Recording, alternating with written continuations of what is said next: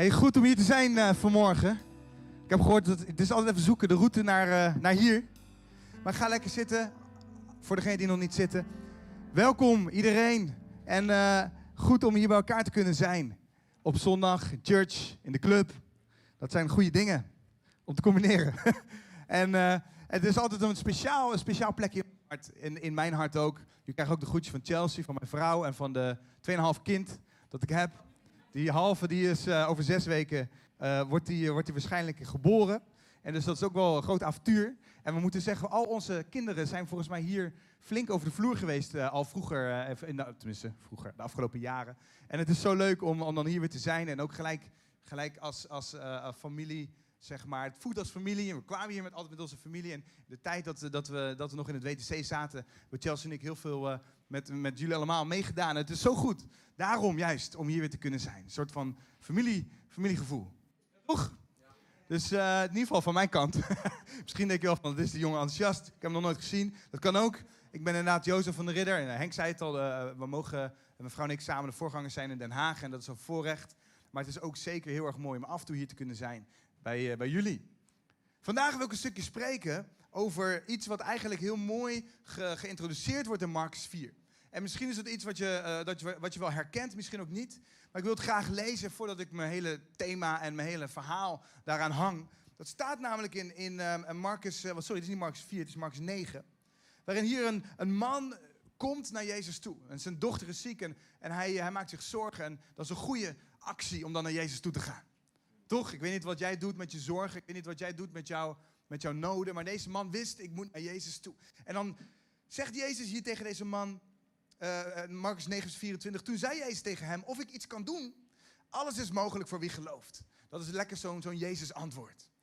Dat is dan dat je denkt van ja, uh, ik denk dat ik geloof. Ik, ik, hoop dat ik genoeg geloof heb. Ik weet niet wat die man zou moeten denken. Maar dan zegt hij hier, dit is interessant. En dit is iets waar we denk ik ons allemaal wel aan kunnen vinden. Meteen riep ik geloof kom mijn ongeloof te hulp. Is het niet mooi dat die man zegt, Jezus, ik, ik, ik, ik wil dat u mijn dochter geneest, dat u mij helpt, dat u ons helpt. Maar dan zegt Jezus, alles is mogelijk voor wie gelooft. En dan moet je dan zelf maar wat met dat antwoord. en het, dat hij zegt, ik geloof. Maar ik heb nog een stuk ongeloof. Jezus, wilt u mij helpen? Kom mijn ongeloof te hulp. En dat is denk ik iets waar we als mensen altijd mee te maken zullen hebben. Ken je dat? Dat je het gevoel hebt, ik geloof wel. Maar ik heb ook een stukje ongeloof. Het gevoel dat je die twee dingen samen meedraagt. Misschien zit je hier, ik denk de meeste van ons zitten hier waarschijnlijk met geloof en ongeloof samen. We zullen allemaal een stukje geloof, maar ook een stukje ongeloof met ons meedragen. En sommige momenten in ons leven heb je misschien meer ongeloof dan geloof. Of voor sommige situaties heb je meer ongeloof dan geloof. Eerlijk is eerlijk. En ik denk dat dat juist ook het mooie is van dit stukje in de Bijbel. Jezus zei niet van ja, luister eens beste vader, dan moet je kiezen. Kom je hier nu in geloof of niet? Of uh, ik kan alleen wat met je geloven. Uh, Jezus veroordeelde dat niet of zei niet dat hij er wat mee moest doen. Maar veel mooier nog dan dat is dat, dat denk ik hier een stukje van de geloofsreis van ons allemaal naar voren komt. Dat die man zegt, kom mijn ongeloof te hulp. Dat is misschien wel het mooie punt voor vandaag waar ik over wil spreken. Over geloof. Maar dan niet van uh, zo'n zo'n pep talk geloof. Maar veel meer de reis van ons als gelovige mensen.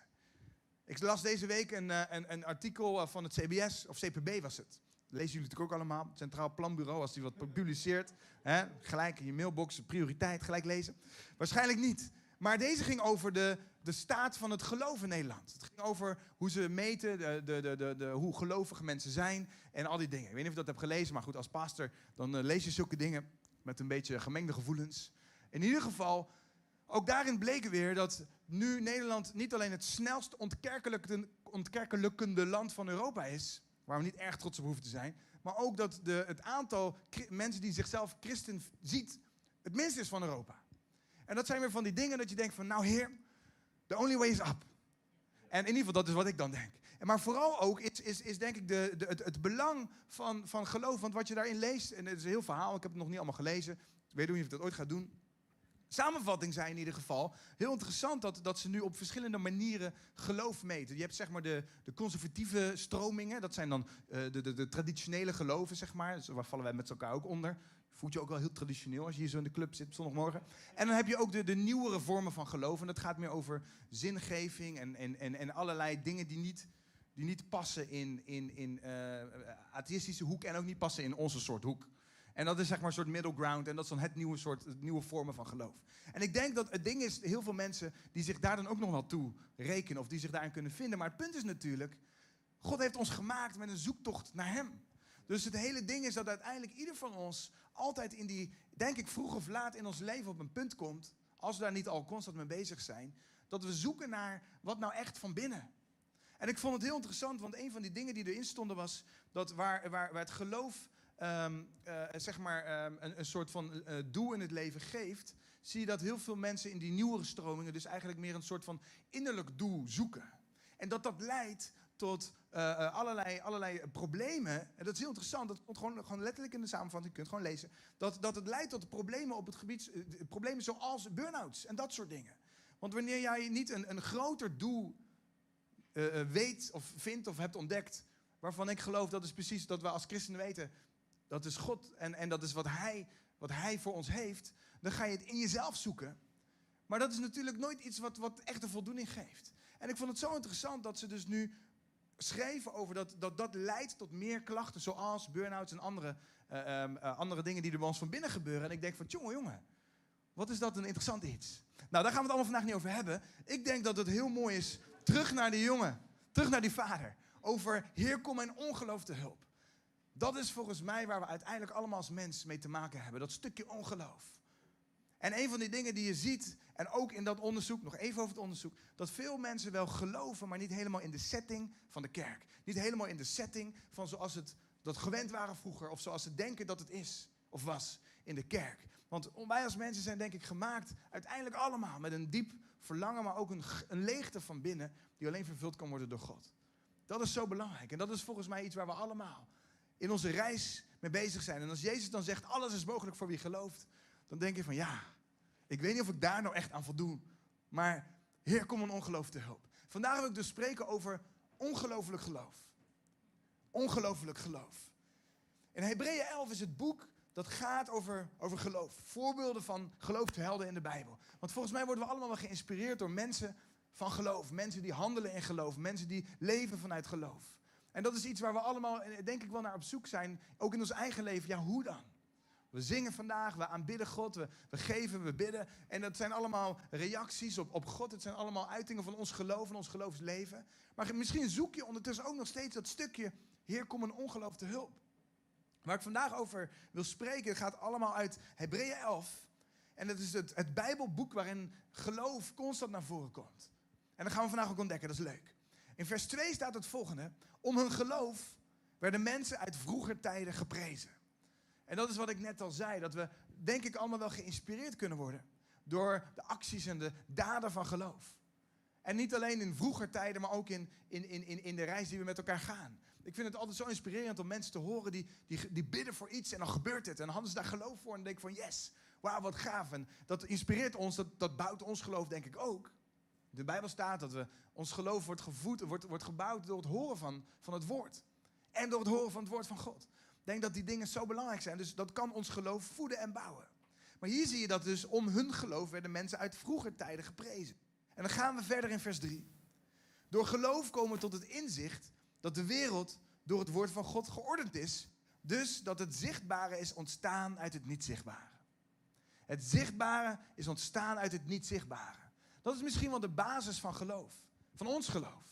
Wij geloven dat het zichtbare is ontstaan uit het niet zichtbare. Maar dat is soms even belangrijk om te beseffen. Want meestal zien wij vooral het zichtbare, daar zijn we mee bezig, daar denken we over na. En we proberen daar handen en voeten aan te geven, we proberen dat te vormen. Maar als we niet ons realiseren dat het onzichtbare voorop gaat, eerst gebeurt. Bijvoorbeeld als wij, misschien heb je net wel gebeden, ik zag allerlei gebedspunten voorbij komen op het scherm, die, allebei de schermen. Dan zie je die, die dingen en, en we weten allemaal dat voordat wij misschien in het zichtbare het eh, realiteit zien worden, dat we in het onzichtbare daarvoor moeten strijden. Of misschien weet je dat niet. Misschien is dat iets wat je aan het ontdekken bent of wat je nu voor het eerst hoort. Wat hier gebeurt is, we bidden met elkaar voor dingen die nog niet gebeurd zijn. Dat is het onzichtbare. We bidden voordat we het in de realiteit werkelijkheid zien worden. En ik denk dat zo simpel als dat, dat is deel van onze geloofsreis. Als je geeft, dan geef je iets en in de natuurlijke ben je dan wat kwijt. En dan denk je van, jongen, 12% inflatie, ook dat gaat er nog vanaf. Ik hou niet veel over, heer. Maar in het, in het, in het onzichtbare weten we, we zaaien in dat onzichtbare gebied. Waar dingen gebeuren voordat we het zichtbaar zien worden in het natuurlijke. En dat is belangrijk in onze geloofsreis. Mijn eerste punt voor vandaag is ook: het, het, het zichtbare komt dus voort uit het onzichtbare. Als je Genesis 1 en 2 leest, dan zie je het scheppingsverhaal. En dat, dan zie je dat, dat God dingen voor zich zag en, en zich inbeelde en, en, en, en de woorden aangaf. En daarna werd het zichtbaar. En het is belangrijk dat we dat nooit andersom zien. Of dat we nooit vergeten wat het onzichtbare deel is. Als christenen, als we te weinig bezig zijn met het onzichtbare deel. Dan denk ik dat we veel te veel lijken op, op, op, op gewone mensen om ons heen. En bedoel dat niet verkeerd. Mensen om ons heen zijn mooie mensen. Maar het aspect wat wij als gelovigen met ons meedragen is dat we geloven. Dat we weten, er zijn stukken onzichtbare wereld waar we eerst mee aan de slag gaan. Voordat het zichtbare werkelijkheid wordt. Dat is zo belangrijk om te, om te vergeten, niet, niet uit ons oog te verliezen. In vers 4 lezen we verder.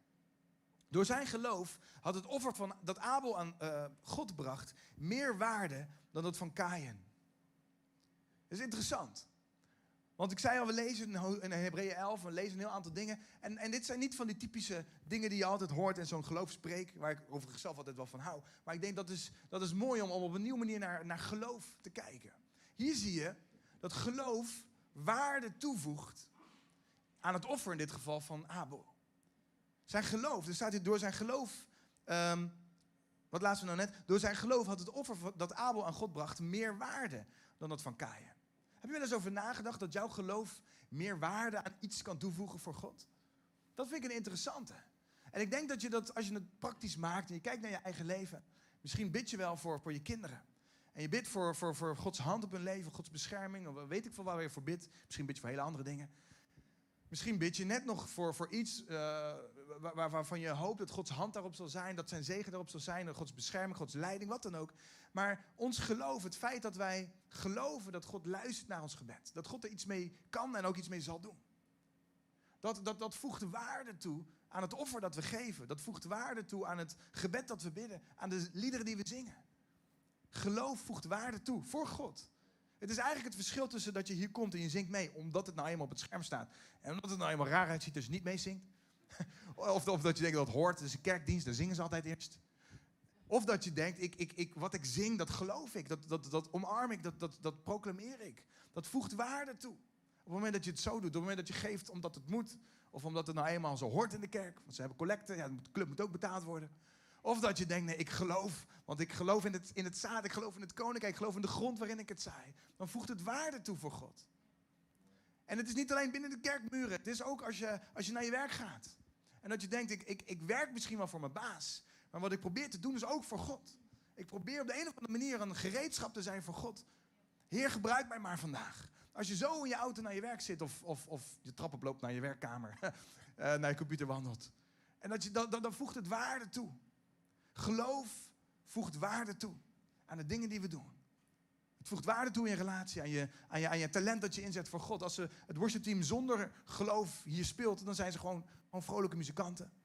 Of een beetje moe muzikanten. Muzikanten in de ochtend zijn altijd niet op zijn sterkst. Jullie wel hier, jullie hier wel. Maar we weten dat de muziekwereld meestal een beetje bloeit in de avond. En toch, dan dienen ze, dan dienen ze. Maar het ding is, het voegt waarde toe wanneer ze in met geloof zingen en aanbidden. En wij met geloof meedoen. Het is zo belangrijk, dat geloof, dat we weten, het voegt waarde toe. En dan lezen we weer verder. Vers 6. Zonder geloof is het onmogelijk God vreugde te geven.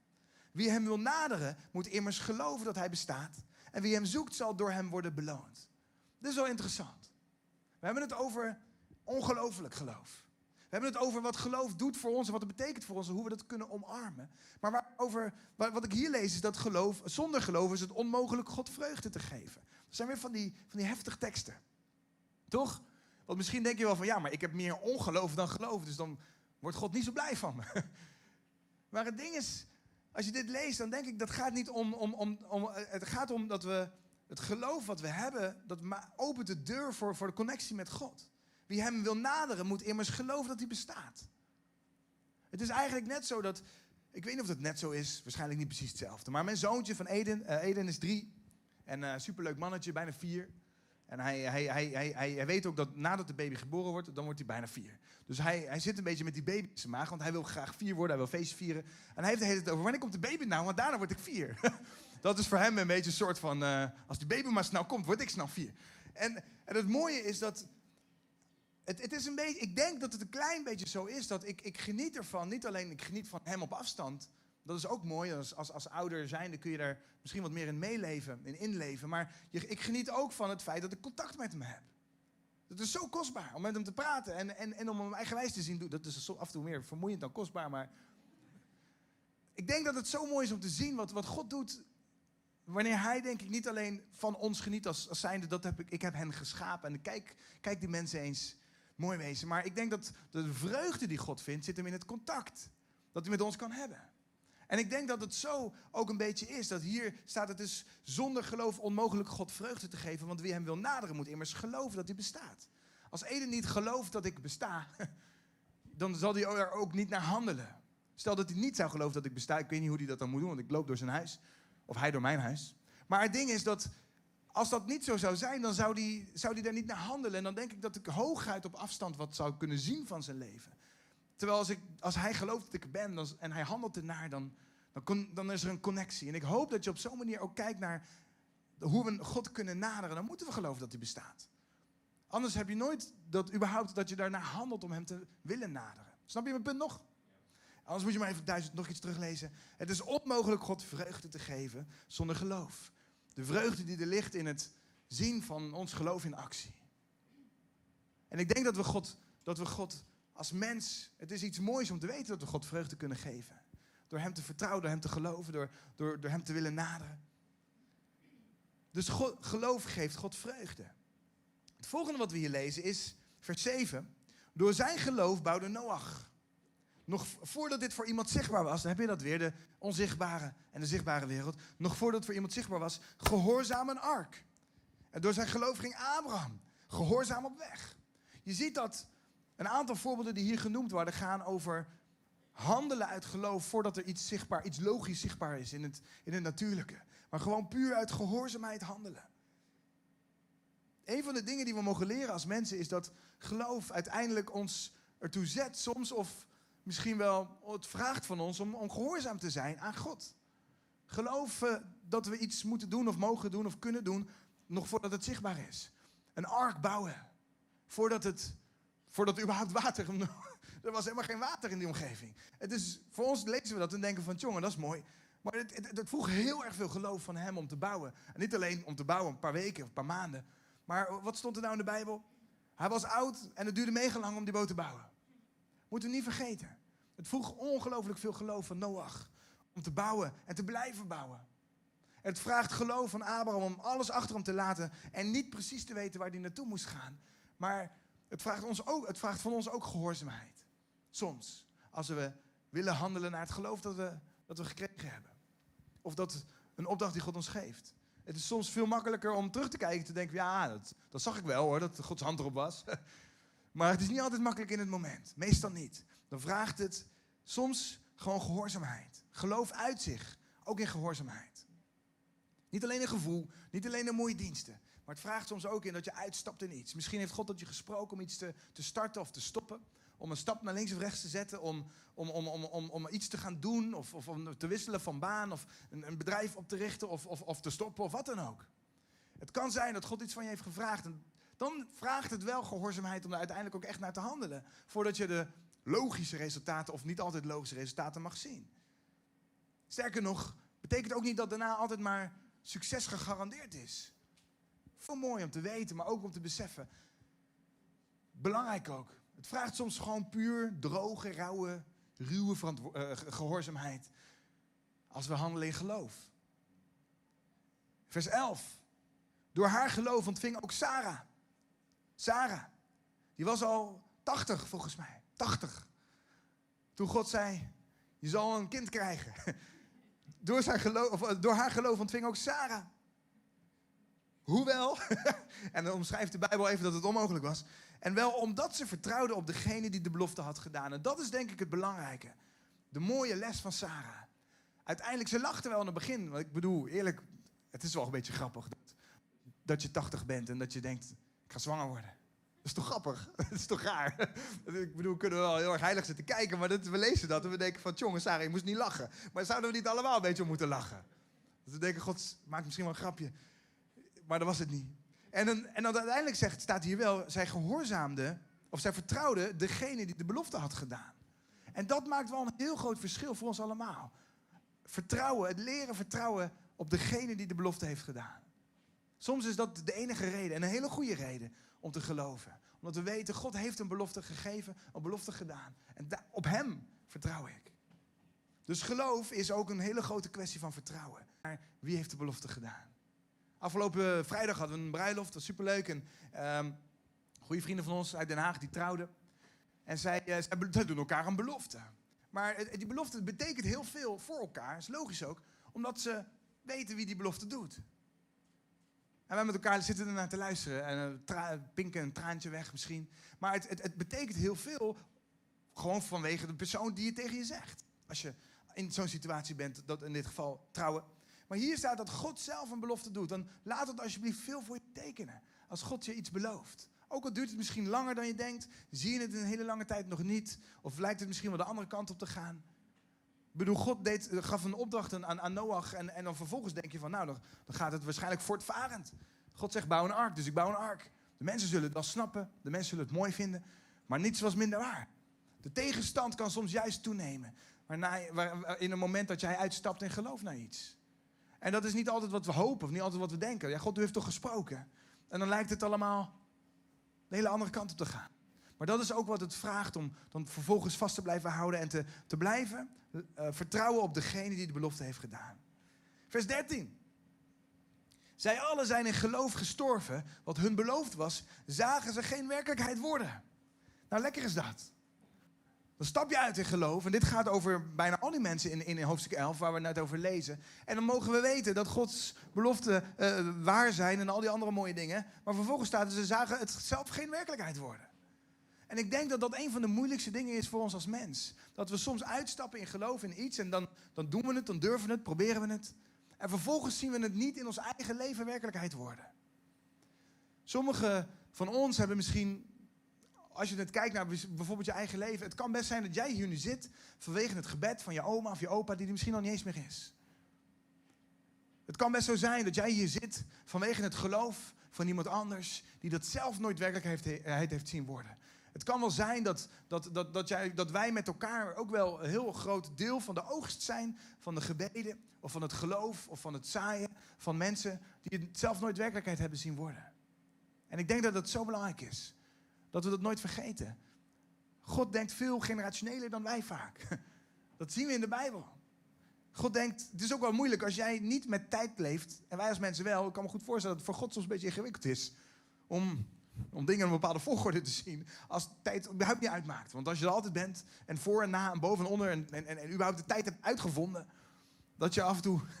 Dat, dat je er heel anders naar kijkt dan wij. Met een begin en een eind. En het is zo goed om te weten dat. Geloof gaat soms, of vaak zelfs, veel verder dan ons eigen leven. De dingen die wij zaaien, de dingen die we mogen doen. Het, het, het kleine onderdeel dat we mogen spelen in de grote tijdlijn van God.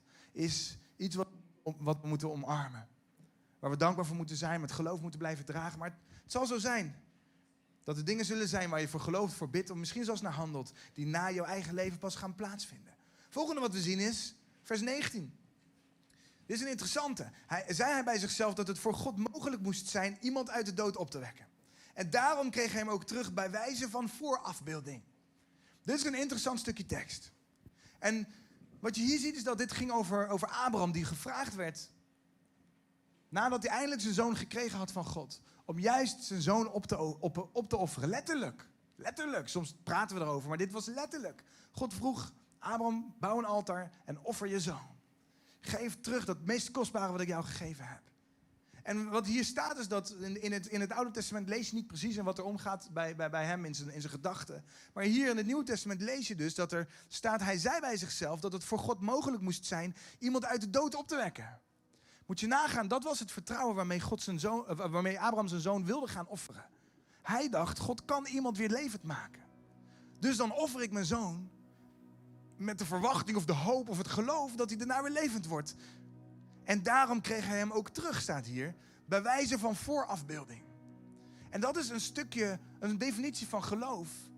Voorafbeelding. Dat je dingen voor je ziet. En de grap was, het was helemaal niet hoe het ging gebeuren. Maar dit is wat Abraham dacht dat ging gebeuren. Bij wijze van voorafbeelding. Wij als mensen hebben van God een soort scheppende kracht gekregen in ons denken. Iets wat in de natuurlijke nog niet zichtbaar is, of misschien wel nooit zichtbaar zal worden. Maar Gods geest in ons maakt dat wij, die, wat hier genoemd wordt voorafbeelding, dat wij dingen van tevoren kunnen zien, terwijl het er niet is. En dat is iets heel krachtigs.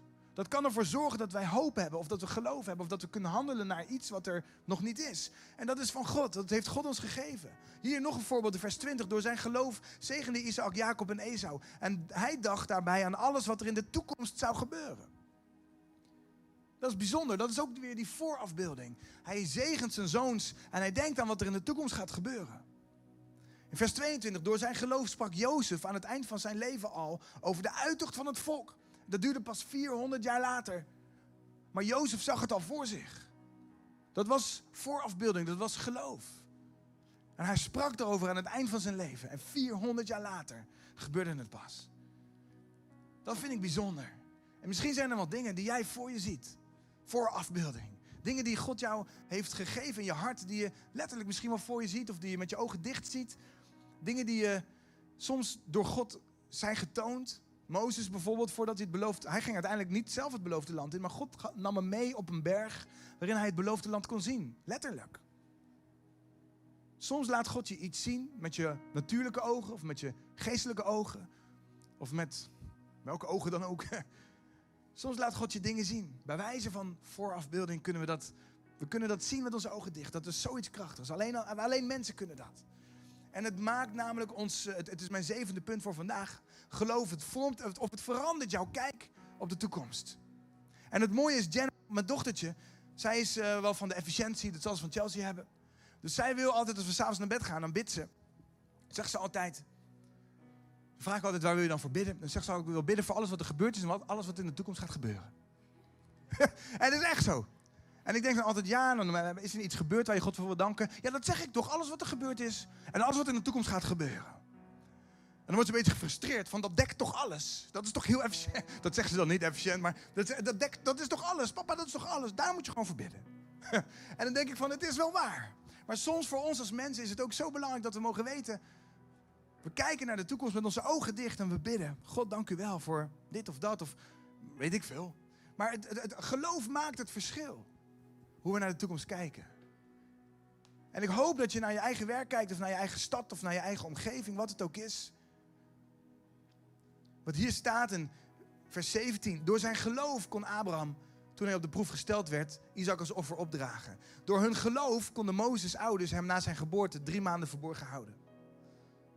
Er staat iets heel grappigs bij. Ze vonden hun kind erg mooi en waren niet bang voor het bevel van de koning. ze vonden hun kind erg mooi. dat is mooi dat ze dat, dat ze dat vonden. Heeft niet zo heel veel met geloof te maken. Dat is gewoon het pure menselijke ouderschap. Maar het is grappig dat de Bijbel dat erbij vermeldt. Door geloof. Door geloof. Door de dingen die je voor je ziet in geloof. Maakt, en dat is mijn laatste punt voor vandaag, maakt je moedig. Geloof maakt ons moedig. Door geloof konden we doorgaan als kerk in de coronatijd. Door, door geloof blijf jij misschien bidden voor iets wat je al twee jaar lang voorbidt. Door geloof blijf je God vertrouwen. Terwijl het in de natuurlijke absoluut onmogelijk lijkt. Door geloof blijf je vooruit gaan. Blijf je naar je werk gaan. Blijf je je relatie bouwen. Blijf je bidden. Blijf je, weet ik wat het ook is. Maar ik hoop dat we met elkaar als kerk mogen, mogen, mogen weten. Door geloof. Door geloof. Dat we getekend mogen worden. Dat we geprezen mogen in de toekomst. Voor ons geloof. Door geloof zaten ze op zondagochtend in die club. Door geloof bleven ze maar bidden. Bleven ze maar vooruit gaan. Door geloof bleef hij maar praten over dit of dat. Door geloof bleef hij maar bidden. Bleef hij maar uitstappen. En ik wil graag vragen om even je ogen te sluiten. Maar er zijn dingen die God in ons hart heeft gelegd. In jouw hart heeft gelegd. En zijn verlangen is dat wij een beetje geloof toepassen op dat zaad wat er al zit. Op dat, dat stukje visie, dat stukje voorafbeelding, dat stukje wat God in jou heeft gelegd. En God wacht met smacht tot hij, tot hij ziet dat je er iets mee doet. Het kan wel zijn dat je hier zit en dat God iets in je hart heeft gelegd en dat je nu erbij stilstaat denkt, oh dit zal misschien wel van God zijn. En laat dan alsjeblieft geloof zijn werk doen. En zeg, God, ik, ik geloof het, maar kom mijn ongeloof te hulp. Ik geloof voor de, voor, voor de redding van mijn buren of mijn familieleden. Ik geloof voor de genezing van mijn dochter of zoon. Ik geloof voor het herstel in mijn lichaam. Ik geloof voor, mijn, voor, voor, voor verandering in mijn denken. Ik geloof voor dit, ik geloof voor dat. Maar Heer, kom mijn ongeloof te hulp. Neem mijn ongeloof, neem het weg. Doe er iets mee wat u wilt doen. Heer, help mij om door geloof te kijken naar de dingen die u mij gegeven heeft. Het zaad dat er in mijn hart ligt. De onrecht in deze wereld. Met geloof wil ik daar naar kijken. En misschien gaat het geloof al zover dat we zeggen: U kunt doodmaken en daarna weer levend. Als dat het is wat, het nodig, wat nodig is, help ons daarbij. Jezus, door geloof.